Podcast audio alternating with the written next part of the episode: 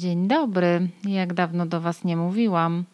Muszę Was przeprosić, bo nie nagrałam ostatnio odcinka, ponieważ byłam na trzydniowych urodzinach i musiałam trochę wytrzeźwieć i w ogóle się jakoś ogarnąć, zanim byłam w stanie napisać nowy odcinek i go nagrać.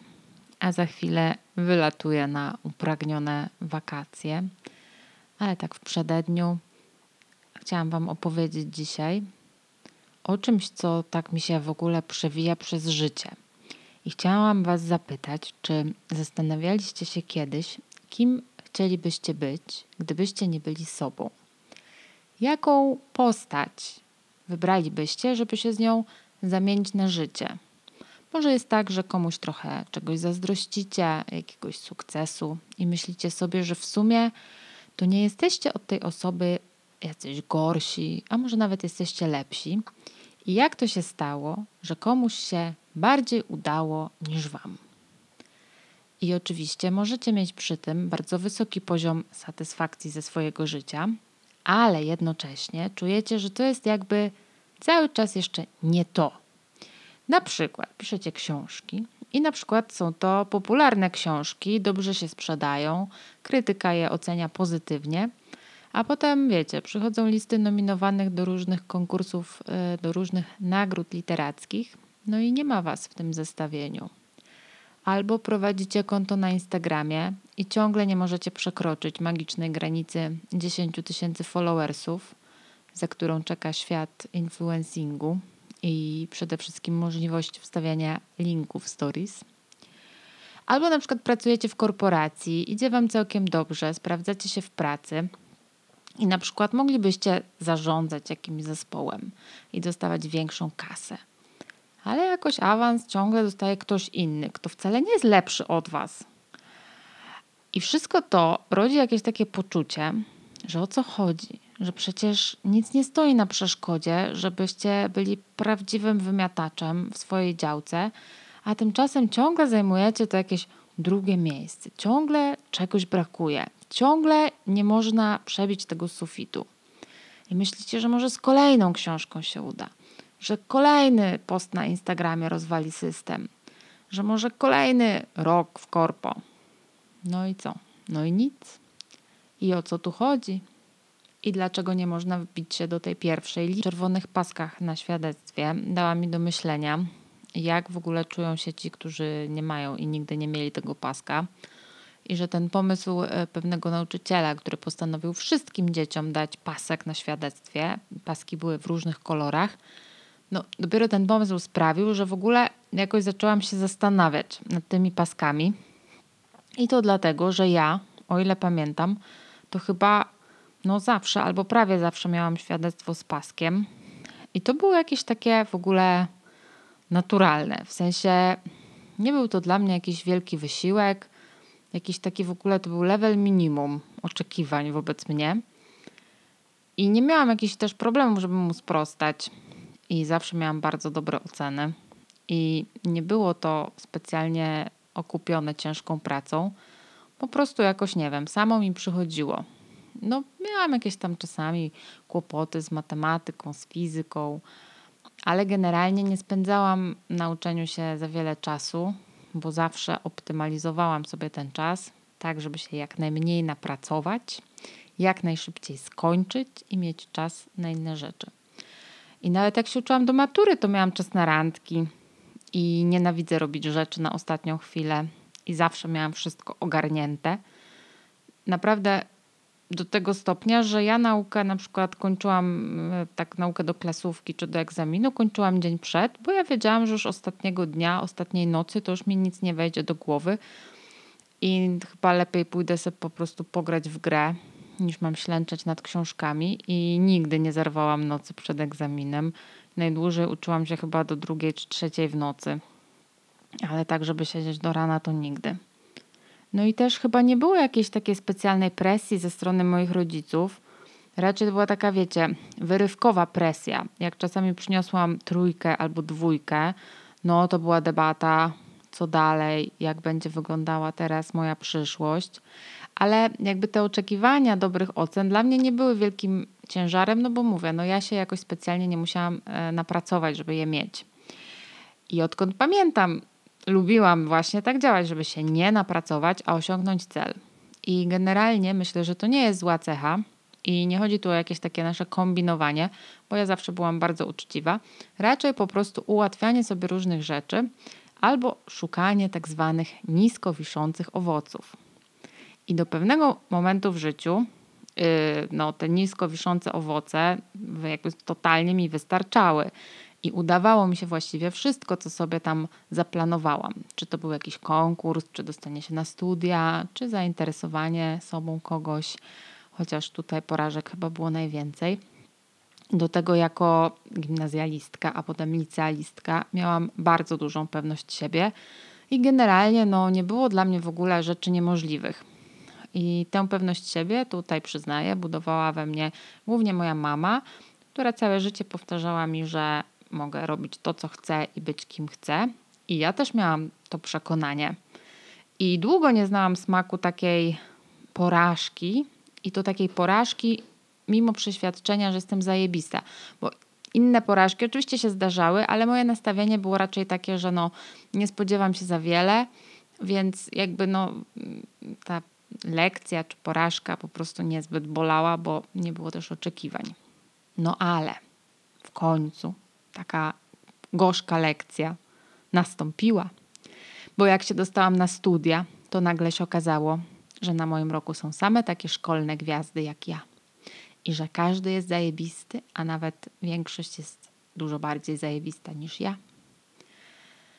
I to był tak zwany upadek z wysokiego konia.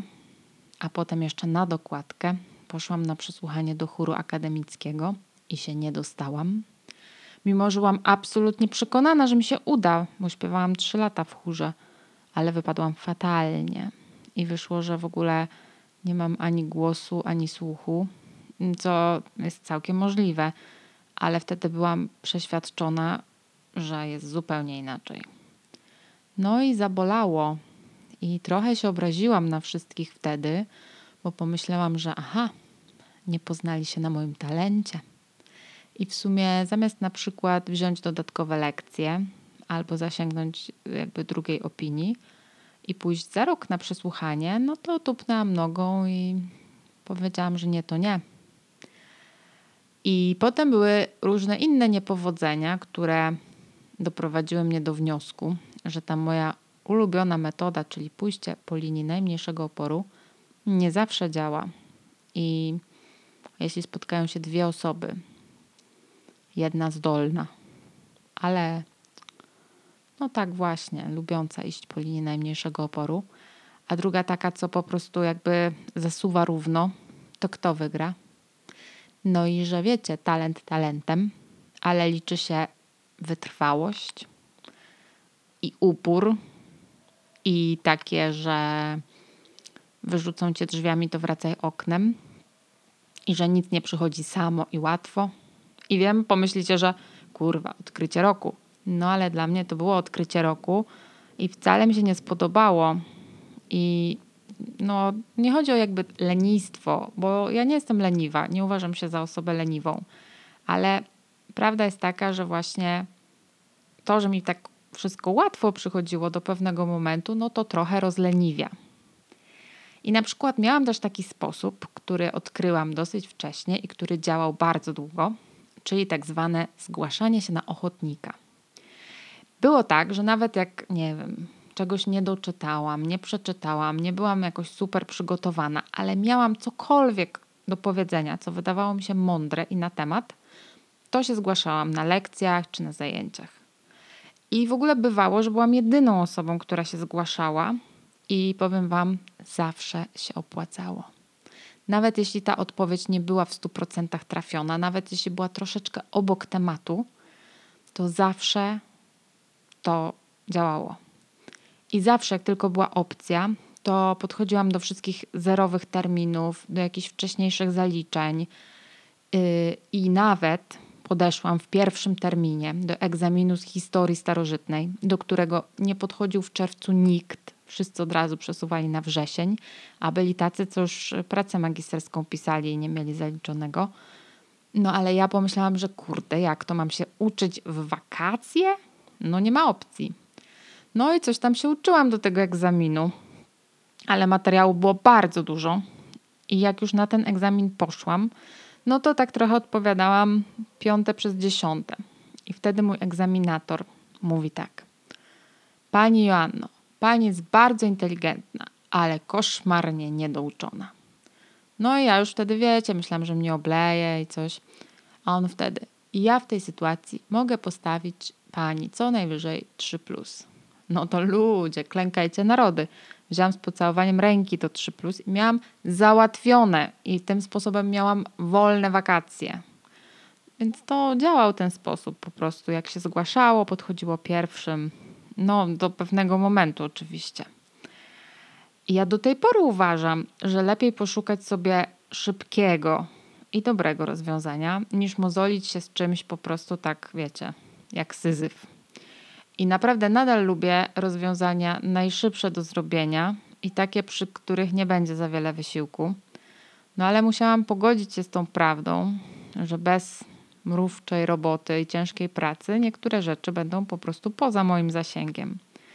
I trochę jest tak z pisaniem. Zamiast myśleć o tym, co można super zajebistego napisać, no to trzeba usiąść na tyłku i to napisać.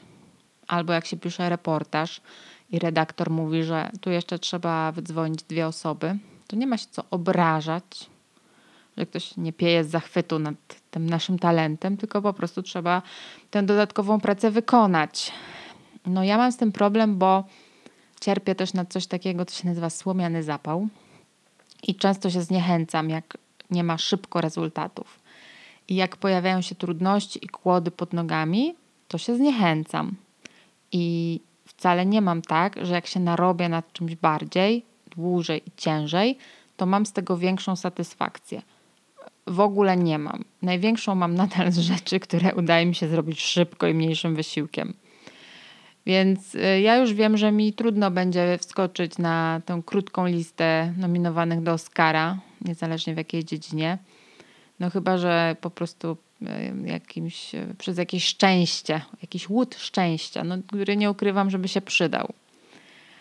I kilka lat temu moja dobra koleżanka powiedziała mi takie zdanie, że właśnie szukanie najprostszych rozwiązań to jest cecha ludzi zdolnych. Ale ja myślę, że do tego dochodzi takie oczekiwanie, że coś się da zrobić szybko i łatwo, a nie zawsze po prostu tak jest. Bo pewne rzeczy wymagają po prostu czasu i cierpliwości. A ja jestem mega niecierpliwa. No i też jestem osobą, która nie mogłaby się poświęcić chyba jednej rzeczy w życiu, tak żeby przez całe życie tę jedną rzecz doskonalić i być w niej naprawdę najlepsza na świecie, bo mnie zwyczajnie bardzo dużo rzeczy interesuje i wielu rzeczy mam ochotę próbować i eksperymentować. I nie umiałabym na przykład uprawiać jednej tylko dyscypliny sportu albo mieć jednej pracy przez całe życie, bo mam ogromną potrzebę próbowania i nie zamieniłabym tej cechy na inną. No ale jak wszystko, ma to swoje konsekwencje. No i ja na przykład, jakbym tak pomyślała sobie o kimś, kim chciałabym być, to sobie na przykład myślę o Martynie Wojciechowskiej, czy kimś takim jak Martyna, czy o niektórych znanych pisarkach. I myślę, że jednak to moje rozproszenie, niecierpliwość i lubienie łatwych rozwiązań no, mają coś wspólnego z tym, że jednak nie zostałam Martyną Wojciechowską. I nie wiem jeszcze, czy się z tym pogodzić, że po prostu tak jest i że tego mojego prywatnego Oscara nigdy nie będzie, czy jednak cisnąć, że może jednak się uda, że będę mogła sobie sama kurwa pogratulować z tej sceny. Bo cały czas jakby to, o czym mówię, te sukcesy, porażki, to są takie moje bardzo prywatne kategorie, moje prywatne poczucie spełnienia. Nie chodzi mi tu jakieś oceny, o, o, nie chodzi mi y, tu o żadne jakieś takie oceny z zewnątrz. To jest taki mój prywatny Everest, na który chciałabym wejść. Żeby było jasne, na Everest bym nie chciała nigdy w życiu wejść. Nie, dziękuję. Tatry mi wystarczą Ale też, jak się tak zastanowię nad swoim życiem, to nie miałam nigdy takiego celu, że na przykład chciałabym być najbardziej zajebistą ekspertką od clickbaitowych tytułów albo mieć kurwa najlepsze konto na Instagramie o nierasowych pieskach. Jasne, chciałam, nie wiem, przebiec maraton i nie przebiegłam. Chciałam wydać książkę i się udało, ale i tak mnie rozczarowało to doświadczenie. Ale nie, że wiecie, mam cel i wszystko robię, by go osiągnąć. Raczej zawsze chciałam mieć po prostu fajne życie i być szczęśliwa i robić przyjemne rzeczy, poznawać ludzi, podróżować i po prostu sobie żyć. I tak jak patrzę po osobach, które bardzo cenię i podziwiam i którym trochę zazdroszczę, to myślę, że naprawdę super, że im się to udało. Ale myślę też, że no wiecie, ja idę swoją drogą i tak też jest dobrze. I jasne, że na swój sukces, swój osobisty Everest trzeba zapracować i czasem to trwa wiele, wiele lat. Ale czasami się po prostu na ten szczyt nie wchodzi. A znowu będą suchary. Mi się zdarzało spod szczytu zawracać. Możecie sobie przeczytać na blogu Jedziemy do. No i wiecie, po tej zawrotce żyje się dalej. Świat się nie wali. A może wcale nie jest tak, że jestem zdolna, tylko leniwa, tylko po prostu nie mam jakiegoś genu sukcesu. Że no nie podskoczę wyżej, no że po prostu może nie jestem tak dobra. Nie wiem, czy wy też tak macie? Bardzo jestem ciekawa, więc dajcie znać. A może właśnie mam tak, że zawsze będę nie do końca zadowolona, nie do końca spełniona. Cokolwiek zrobię, to będzie za mało. Zawsze będzie głód na więcej, więcej. No ale może nie ma co sobie stawiać Everestu przed sobą, tylko gubałówkę albo pilsko. Nie wiem. Może zawsze to będzie ze mną. Może zawsze będzie miała takie poczucie niespełnienia i nigdy jakby nie odbuduje tej siebie, dla której kiedyś nie było rzeczy niemożliwych. Ale tak niezależnie chcę Wam powiedzieć, że bardzo się cieszę, że jesteście i że jest Was coraz więcej. I ten podcast też jest moją jakąś górą i stuknęło mi właśnie pół roku nagrywania, ale nie myślę w ogóle o żadnych celach, tylko cieszę się, że to robię. Więc y, jeśli będziecie mieli chwilę, to napiszcie, co jest Waszym Everestem i czy też lubicie proste rozwiązania, przy których nie trzeba się narobić.